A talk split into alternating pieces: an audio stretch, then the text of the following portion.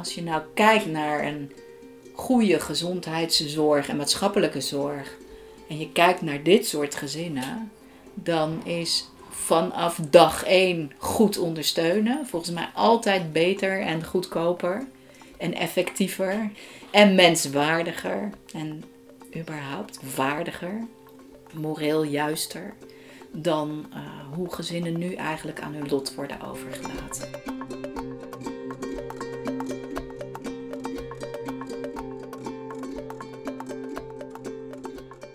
Vandaag praten we met Ilja Soffer, directeur van Iedereen, een koepelorganisatie voor mensen met een beperking of chronische ziekte. Het is een gesprek in twee delen geworden. Als verrassing komt er eind augustus een extra zomeraflevering online. Ilja vertelt over de gevolgen van de jeugdwet en over wat gezinnen eigenlijk nodig hebben. Maar ze spreekt ook over haar eigen ervaringen als moeder van een zoon met een beperking. Hoor hoe Ilja soepel heen en weer beweegt tussen die twee. Welkom bij aflevering 36 van de podcastserie Levend Verlies.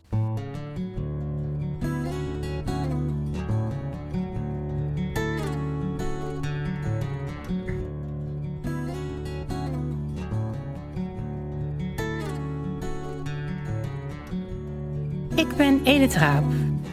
Ik geef les in ouderbegeleiding aan de Hogeschool Utrecht en doe promotieonderzoek naar levend verlies. Ik ben Minke Verdonk. Ik ben moeder van een zoon met een lichamelijke beperking en ouderbegeleider. En ik ben Irene Sies. Onder de naam Gewoon Irene blog ik over de alledaagse dingen in mijn leven als moeder van vier kinderen. We maken samen een podcast over levend verlies.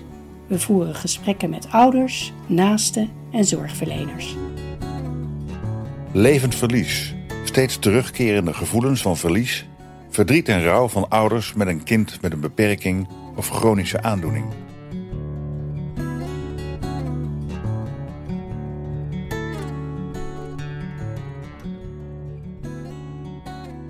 Zou je je aan de luisteraars willen voorstellen? Ik ben uh, Ilja Soffer. Ik ben in het werkend leven directeur van Iedereen. Dat is de koepelorganisatie voor mensen met een beperking of chronische ziekte. En uh, ik ben uh, naast mijn werkend bestaan ben ik uh, behalve de vriendin van veel leuke mensen en ik ben moeder van twee zonen, eentje van 24 en eentje van 22. En mijn oudste zoon is een jongen met Down syndroom. Dus ik werd ook meteen moeder van een jongen met een beperking. Nou, daarmee ben ik in een hele andere wereld terechtgekomen dan ik daarvoor zat. En wat was de wereld waarin je daarvoor zat? Ik uh, ben altijd uh, maatschappelijk geëngageerd en geïnteresseerd geweest. Mijn paplepel was er een van maatschappelijke betrokkenheid en tegen uitsluiting en vrouwenrechten en mensenrechten. En, uh, ik heb politicologie gestudeerd. En na mijn studie heb ik een aantal jaren in de communicatie gewerkt, eigenlijk als campagnestrateeg. Altijd voor maatschappelijke organisaties en onderwerpen. En daarna heb ik lang voor mezelf gewerkt, uh, veel onderzoek gedaan voor organisaties. En ik had allemaal thema's van in- en uitsluiting gehad. Maar handicap nog niet. Maar toen ik zelf een zoon kreeg met een handicap, wist ik toch niet wat mij overkwam. Wat overkwam je? Nou, ik was 32, dus ik had allemaal geen prenataal onderzoek en zo gedaan. En nou ja, mijn zoon werd geboren en de verloskundige zag eigenlijk vrij snel tekenen waarvan ze dacht: hé. Hey. En uh, toen zij haar vermoeden uitsprak van hé, hey, ik denk dat dit een kind met het syndroom van Down zou kunnen zijn. Toen uh, weet ik nog dat ik hardop zei: nu wordt mijn leven echt nooit meer normaal. Blijkbaar was dat iets wat ik heel graag wilde, want anders had ik vast wel iets anders gezegd. Hè? Als je ervaringen hoort van ouders die een kind krijgen waar iets mee is, dan is hun eerste reactie zegt natuurlijk heel veel over wie zij zijn en hoe ze in het leven stonden. En ik zei, nou wordt het nooit meer normaal. En mijn toenmalige partner, inmiddels zijn wij niet meer samen. Hij zei: Oh, wat leuk. Het is anders. Ik vond normaal toch al niet zo ontzettend aantrekkelijk perspectief. En ik, ik dacht echt, oh, dit was mijn laatste kans op iets normaals in mijn leven. Dat zegt heel veel over mijn leven. Die is verkeken. En ik dacht ook, ik kan dit helemaal niet. Ik weet niet hoe dit moet. En de eerste worsteling, dat is natuurlijk ook heel interessant en mooi in relatie tot het thema levend verlies, is een soort rollercoaster van het bevechten van alle demonen. Want nou, nou ik krijg ik een kind wat, ja, waarvan alles mee is en dat niks kan en dat nooit wat wordt.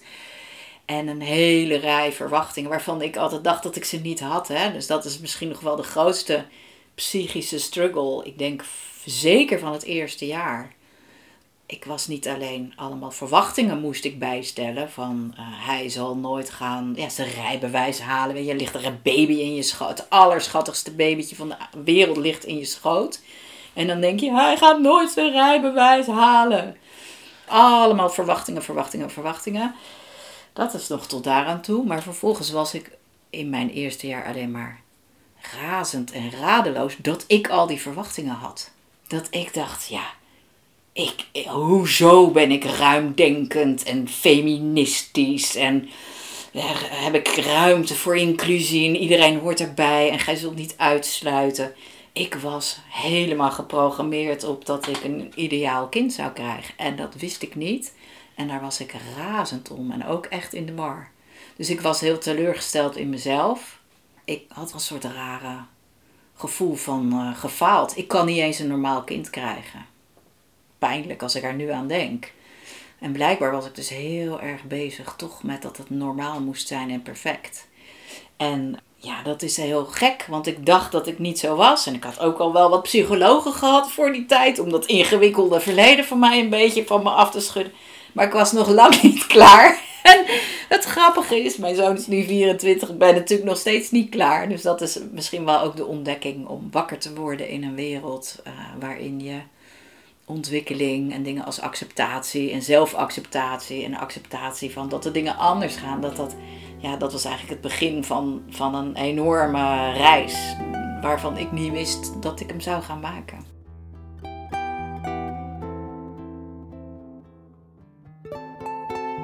En uh, levend verlies, was dat voor jou een nieuwe term? De term levend verlies kwam laat op mijn pad. Want door het krijgen van een kind met een beperking ben ik in de wereld terechtgekomen van andere ouders. En ben ik uiteindelijk, ik werkte toen nog voor mezelf en ik ben allemaal projecten gaan doen. En met een stichting Artsen voor Kinderen en de Down Syndroom Poli van de VU.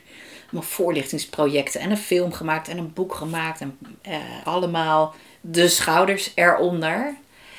En ik ben pas heel laat, heel laat gaan toegeven dat het ook gewoon ontzettend zwaar en ontzettend verdrietig was.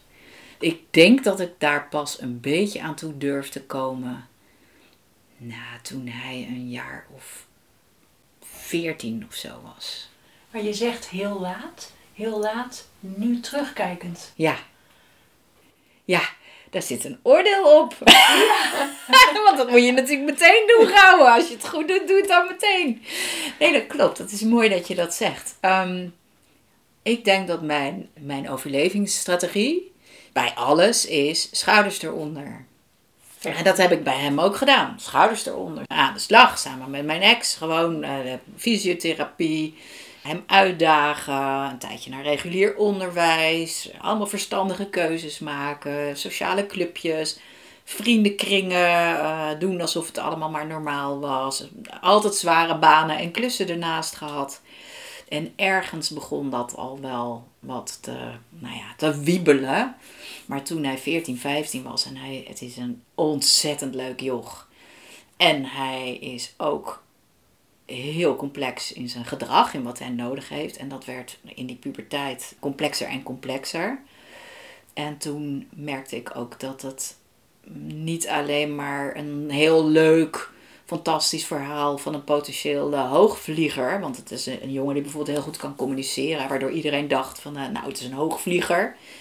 Maar het was gewoon loodzwaar. En het begon zijn tol te eisen. En zijn broertje, die begon ook psychisch steeds meer problemen te krijgen. Dus het werd zwaarder en zwaarder. En pas toen durfde ik ook te kijken naar de verlieskant ervan, de rauwe kant. En dat het zijn prijs had. En ik hield het ook niet allemaal meer vol om alles maar in de lucht te houden.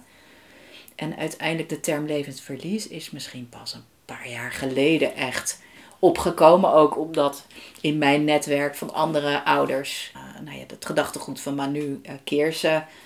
En ik kwam natuurlijk via mijn werk ook in contact met de ouders van de zeer ernstig verstandelijk meervoudig beperkte kinderen. Waarbij het nog veel pregnanter is dat sommige kinderen feitelijk ja, zo'n beetje palliatief geboren worden. En ik had mijn David, mijn oudste, daar nooit naast geplaatst.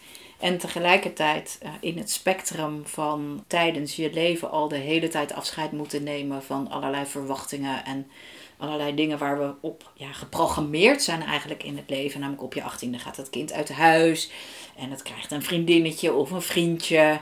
En het gaat een opleiding doen en het wordt gelukkig. En andere mensen vinden jouw kind leuk, dat vind je ook belangrijk. En het mag naar clubjes. En dat ik keer op keer natuurlijk dacht, nou ik heb van zoveel van die verwachtingen afscheid moeten nemen. Er zijn ook heel veel dingen voor in de plaats gekomen. Want ik zou nooit directeur van iedereen geweest zijn als ik niet in de wereld van de handicaps al mijn weg had gevonden en uiteindelijk daar toch het verschil in wilde maken. Dus het heeft heel veel gebracht. Maar dat het ook verlies was, dat, dat kwam dus pas na jaren. En de term levend verlies was daarbij ook een soort, oh, dat is wel een beetje klef woord, maar daar zat ook iets in van thuiskomen. Oh ja, deze snap ik. Dit is een hele respectvolle manier om aan te geven dat je, terwijl je gewoon doorleeft en je dingen doet, ook heel veel kwijtraakt. Nou is het hele leven is eigenlijk levend verlies, hè? Het zijn allemaal dingen waar we afscheid van moeten nemen. Ouder worden is ook een soort levend verlies. Uh, maar ten aanzien van het krijgen van een kind, of misschien wel, het kan ook een partner natuurlijk betreffen, of een ouder die dementerend is, maar dat je erbij staat, ernaar kijkt en jouw handelen of jouw liefde of jouw skills als ouder of partner of kind niet kunnen maken dat iemand gerepareerd raakt of het weer doet of past of dat iedereen van hem houdt. Dat voelt ontzettend machteloos. maar voor mezelf heeft het wel iets geboden van een soort bakje dat ik dacht, ja, dat, dat geeft een, ja, een het is een zachte manier om je verlies te mogen nemen of zo. Dat vind ik in die term verpakt zitten. Ik zou nooit hard zeggen, het was een uh, rot leven en ik had dat kind nooit moeten krijgen. Dat zeg je namelijk niet van je eigen kind, dat. Ik denk dat niet veel ouders dat zeggen. Zo zit ik er ook niet in. Maar dat het ook zwaar is en een prijs heeft, dat vind ik in die term levend verlies heel mooi, mild, mild en scherp genoeg geformuleerd.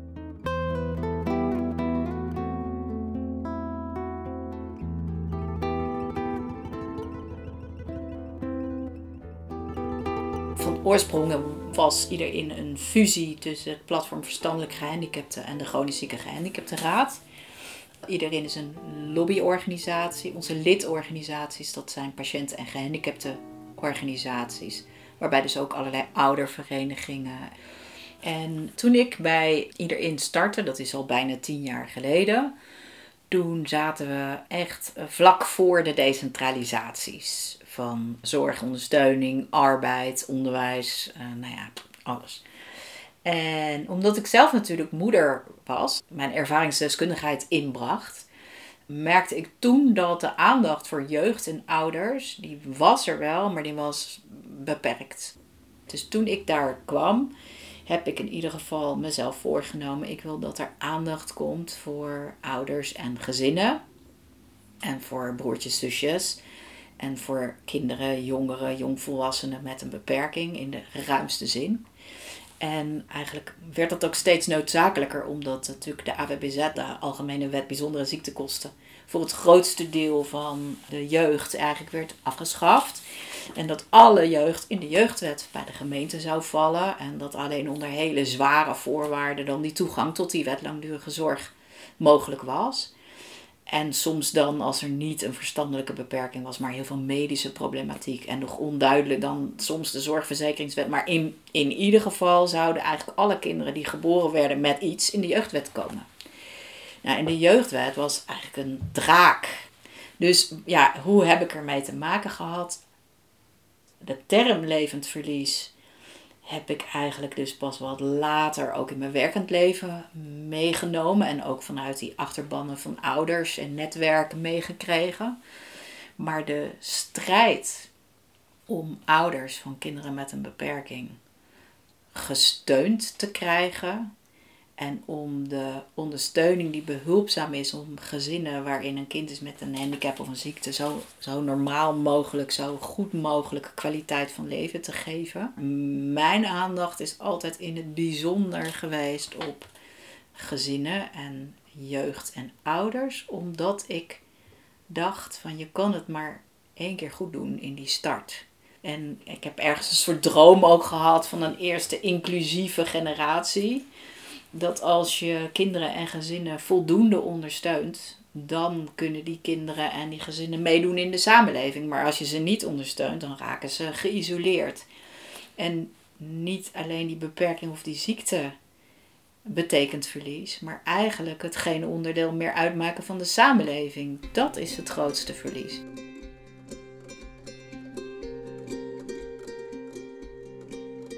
We vragen hoe de situatie nu is voor deze gezinnen.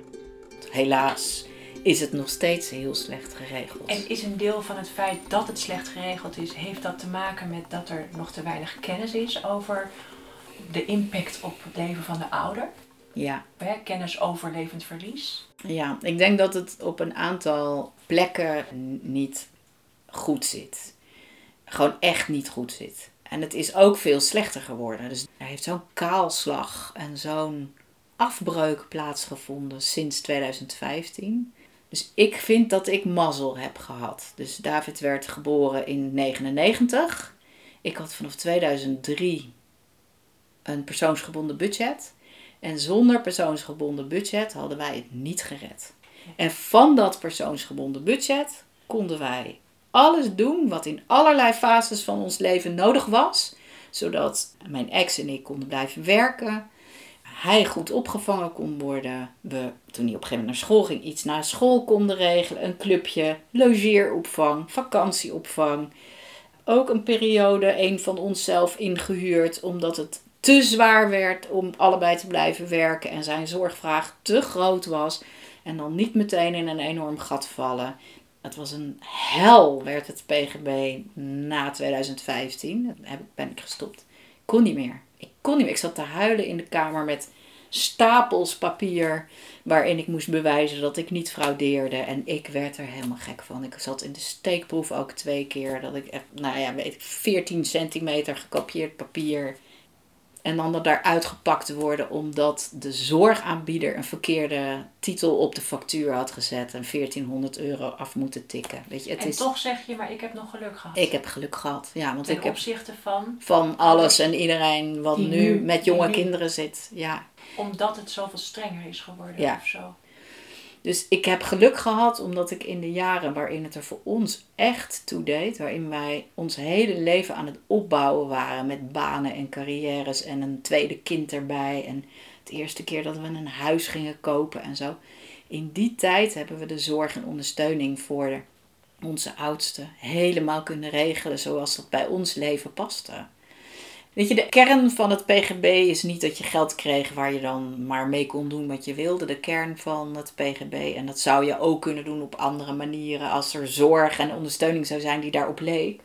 Is dat je het passend bij je eigen leefstijl, je eigen gezin, je eigen leefritme, maar ook bij de levenscyclus van het kind. Als het goed gaat, kon er wat minder. Als het slecht ging, konden we opschalen in de vakantieperiode, ja, in de vakantie konden we wat extra zorg erop zetten. Nou, en dat is allemaal, al die flexibiliteit is eruit. En wat ik zag gebeuren toen ik eenmaal bij iedereen merkte dat die jeugdwet geen snars verstand had van kinderen met een handicap. Omdat het eigenlijk allemaal jeugdbeschermers waren die dat werk gingen doen in de gemeente. Dat de blik op gezinnen met een kind met een handicap niet meer was: hoe gaan we ze zo ondersteunen dat ze hun levenskwaliteit omhoog kunnen houden, maar hoe kunnen we zorgen dat mensen zo kort mogelijk gebruik maken van voorzieningen, dat we zo licht mogelijk en zo goedkoop mogelijke voorzieningen treffen en dat zij zoveel mogelijk zelf doen. En uh, ja, dat is in die kringen van ouders van kinderen met een beperking keihard binnengekomen. Dus ik heb nooit zoveel verhalen van armoede, werkuitval, scheiding, overbelasting. En eigenlijk als je dan aan mensen vraagt waar zit hem dat dan in, dan zit het niet in die ziekte of die beperking of dat kind zelf, maar in het gebrek aan draaglastverlichting.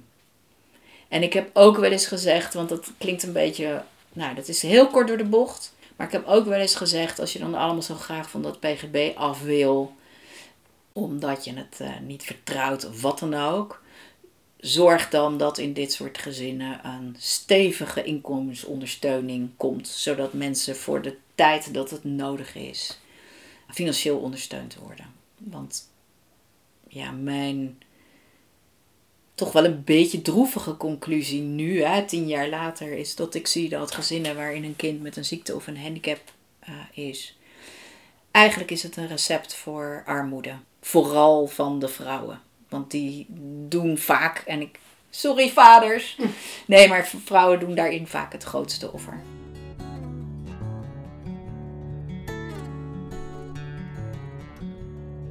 Dus schetst eigenlijk van het is slechter gegaan. Ja na de invoering van de jeugdwet. Wat heb jij kunnen doen? Nou, waar we bij iedereen ons wel heel hard voor hebben gemaakt, is om die oudernetwerken heel dichtbij ons te halen. En ook heel veel, ja, dat klinkt arroganter dan dat ik het bedoel, heel veel positie te geven. Dus heel veel van die oudernetwerken zijn zelf ook projecten gaan doen en naar Den Haag gegaan. En daar is ook uh, bijvoorbeeld We zien je wel en To See You uit voortgekomen. Niet dat dat door ons komt, maar omdat wij zeiden, ja, je kan wel met ons praten, maar die ouders en die gezinnen, het zijn hun verhalen. Wij hebben ook dan verbindingen met hen, maar het zijn hun verhalen. Waar ik heel trots op ben, maar dat, dat is wel al heel lang geleden, helemaal in het begin, toen die jeugdwet geïntroduceerd werd, hebben we nog wel een vrij grote groep toen kinderen en jongeren met een beperking in de WLZ kunnen houden, in de wet langdurige zorg kunnen houden. Dat waren alle kinderen die een logeerindicatie hadden. Omdat als je een logeerindicatie had als kind, dan had je een 24-uursvraag.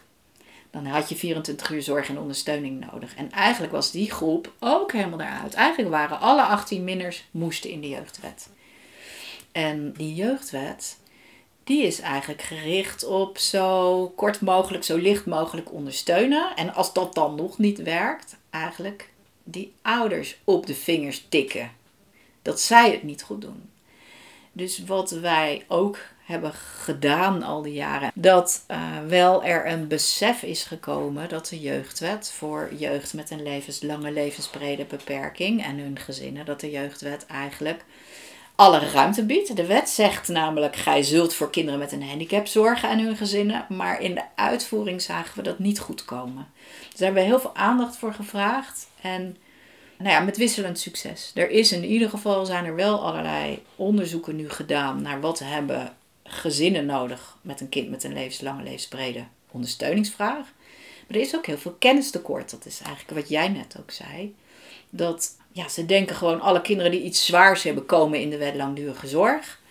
En alle kinderen die eigenlijk niet iets hebben waar die ouders een beetje, een beetje beter opvoeders moeten worden, die zitten in de jeugdwet. En dat is dus niet zo. En dat geldt eigenlijk ook voor alle ziekten en beperkingen waarbij autisme een rol speelt. Wij zagen in 2017 heel veel casuïstiek binnenkomen uit de gemeente vastlopers waarbij autisme een rol speelde. En er is dus gewoon echt een kennistekort over wat, en voor mij zijn het eigenlijk dezelfde type belemmeringen in sociaal functioneren. Autisme en lichtverstandelijke beperkingen, wat voor impact dat heeft.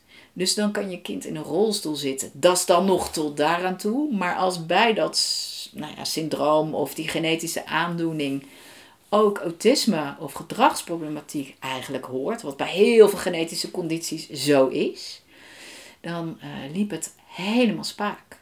Want autisme vraagt, of een lichtverstandelijke beperking, dat vraagt hele andere dingen dan tegen ouders zeggen: je moet een beetje beter opvoeden. En dat vraagt eigenlijk vooral respect. Dus we hebben ook, want de vraag was: wat, waar ben je dan, hè, wat heb je gedaan? We hebben bij het onderzoek een paar jaar geleden naar wat moet er eigenlijk op het gebied van respijtzorg allemaal gebeuren. Dat was helemaal gericht op oude mensen. En wij hebben ontzettend nog jeugd daarin geprobeerd te stoppen. En er is toen ook in het advies dat daar naar de regering is gegaan gezegd van hou die groep ouders van kinderen met een handicap in de gaten. Daar is ook respijtzorg voor nodig.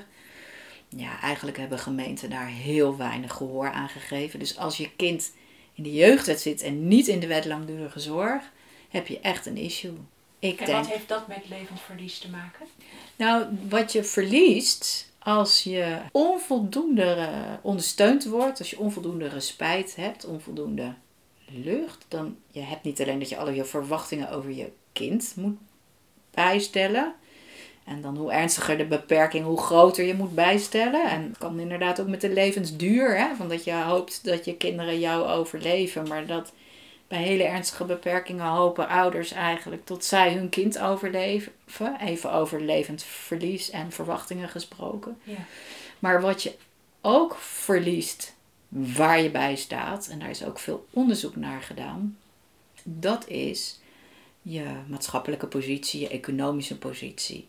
Heel veel mensen verliezen helaas ook hun relatie, ehm, vriendschappen, sociale contacten, doordat ik heb zoveel feestjes, partijen, verjaardagen gemist omdat het gewoon niet ging met mijn kind.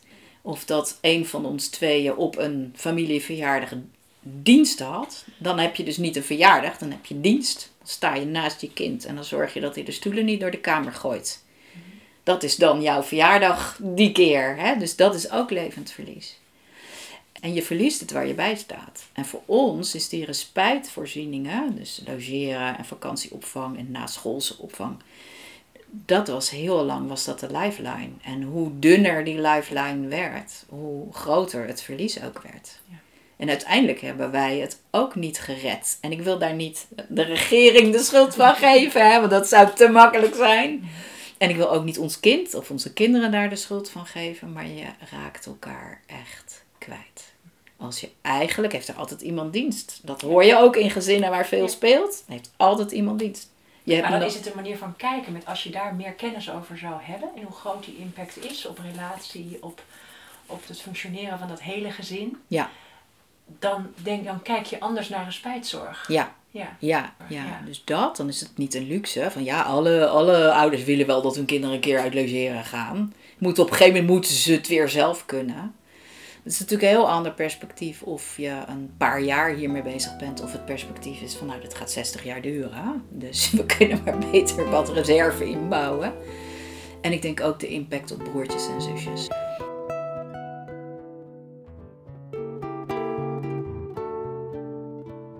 Ik ben mm, de afgelopen twee jaar zelf me ook wat meer gaan verdiepen in psychotrauma dat kwam eigenlijk omdat mijn oudste, David, die ging uit huis en die heeft vier keer mislukt gewoond. Zijn vijfde plek was de plek waar hij goed geland is. En daar hebben we met z'n allen enorm veel verdriet en gedoe. En hij bleek gewoon echt psychotrauma daarvan te hebben opgelopen. En is daar ook voor behandeld. Door de, hij woont bij Cerelo, door de psycholoog van Cerelo, die ook aan het onderzoeken was haar hypothese is in ieder geval dat mensen met een verstandelijke beperking zo vaak niet begrepen worden dat zij eigenlijk gedurende hun hele leven trauma prikkels krijgen. Namelijk, ik word niemand begrijpt mij. En daar raken ze van in paniek. En ze zien ook nog dat hun omgeving de hele tijd in paniek raakt. daarvan weer, van het niet begrijpen. En ik ben toen zelf ook een aantal keer met EMDR, dat is een bepaalde traumaverwerkingstherapie die heel goed werkt, of soms ook niet, maar bij mij werkte het heel goed. En ik ben me toen ook gaan verdiepen in de vraag, een eerdere vraag die jullie stelden was, wat merk je daar nou van hè, bij iedereen in je werk van dat levensverlies? Ik ben me gaan verdiepen in de vraag, als ik nou al zo traumatisch eigenlijk verwond ben geraakt door wat ik met mijn zoon heb meegemaakt. Terwijl ik, nou ja, ik heb enorme veerkracht, ik ben hoog opgeleid, ik heb een olifantenhuid, ik ben berensteek. dat zou je allemaal denken, nou, dan kan je wel tegen een stootje. Mensen zien mij denken, nou, die kan wel tegen een stootje. Als ik al zo totaal door mijn hoeven ga van die mislukte verhuizingen en de machteloosheid eigenlijk, hoe zou dat dan voor die andere ouders zijn? Die vanaf dag één alleen maar moeten knokken, alleen maar de hele tijd moeten overleven.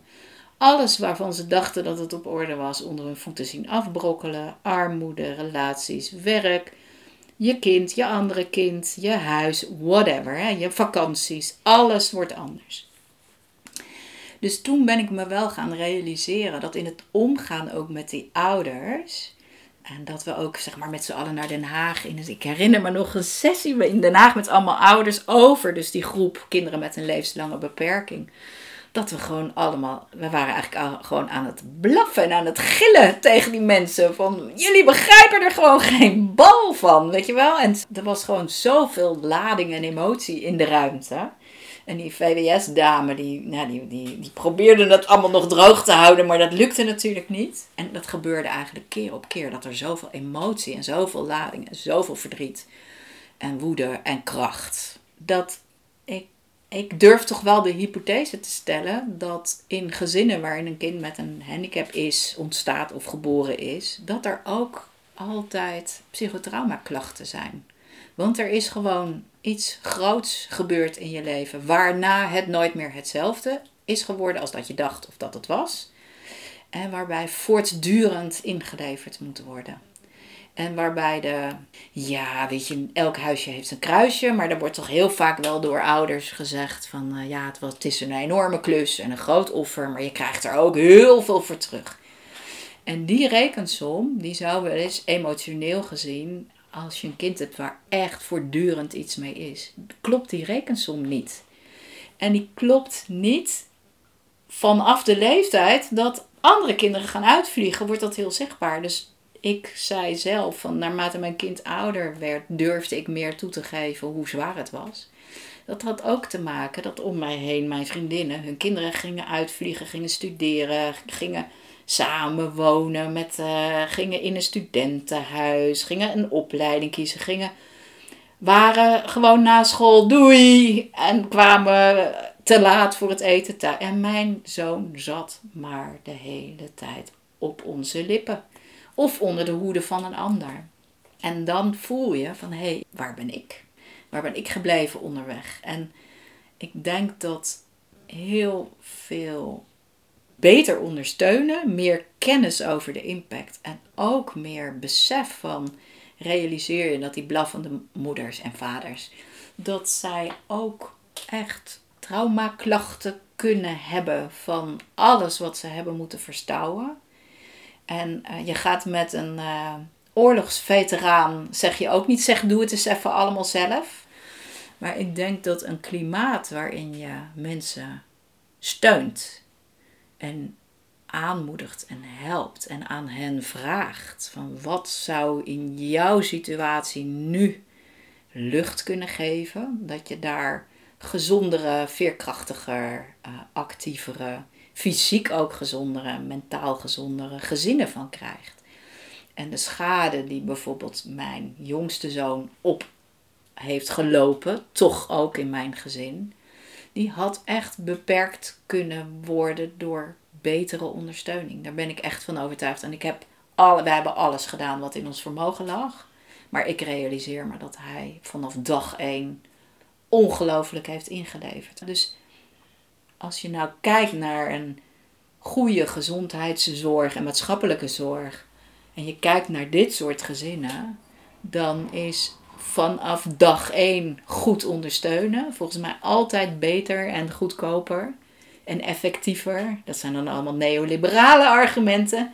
En menswaardiger en überhaupt waardiger, moreel juister dan uh, hoe gezinnen nu eigenlijk aan hun lot worden overgelaten. En dus dat levend verlies, daar zit die emotionele component aan en die traumacomponent. Maar ik heb bij iedereen en ook als mens ook heel veel moeite met dat er een sociale en economische component aan zit. En dat vind ik met name ook voor vrouwen en dus ook voor mannen hè?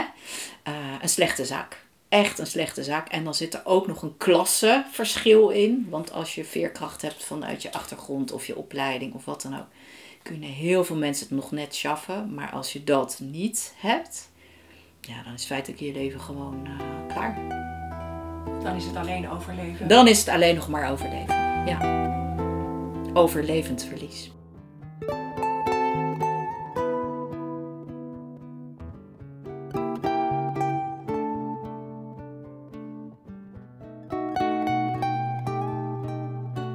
Dit was het eerste deel van ons gesprek met Ilja Soffer, aflevering 36 van de podcastserie Levend Verlies.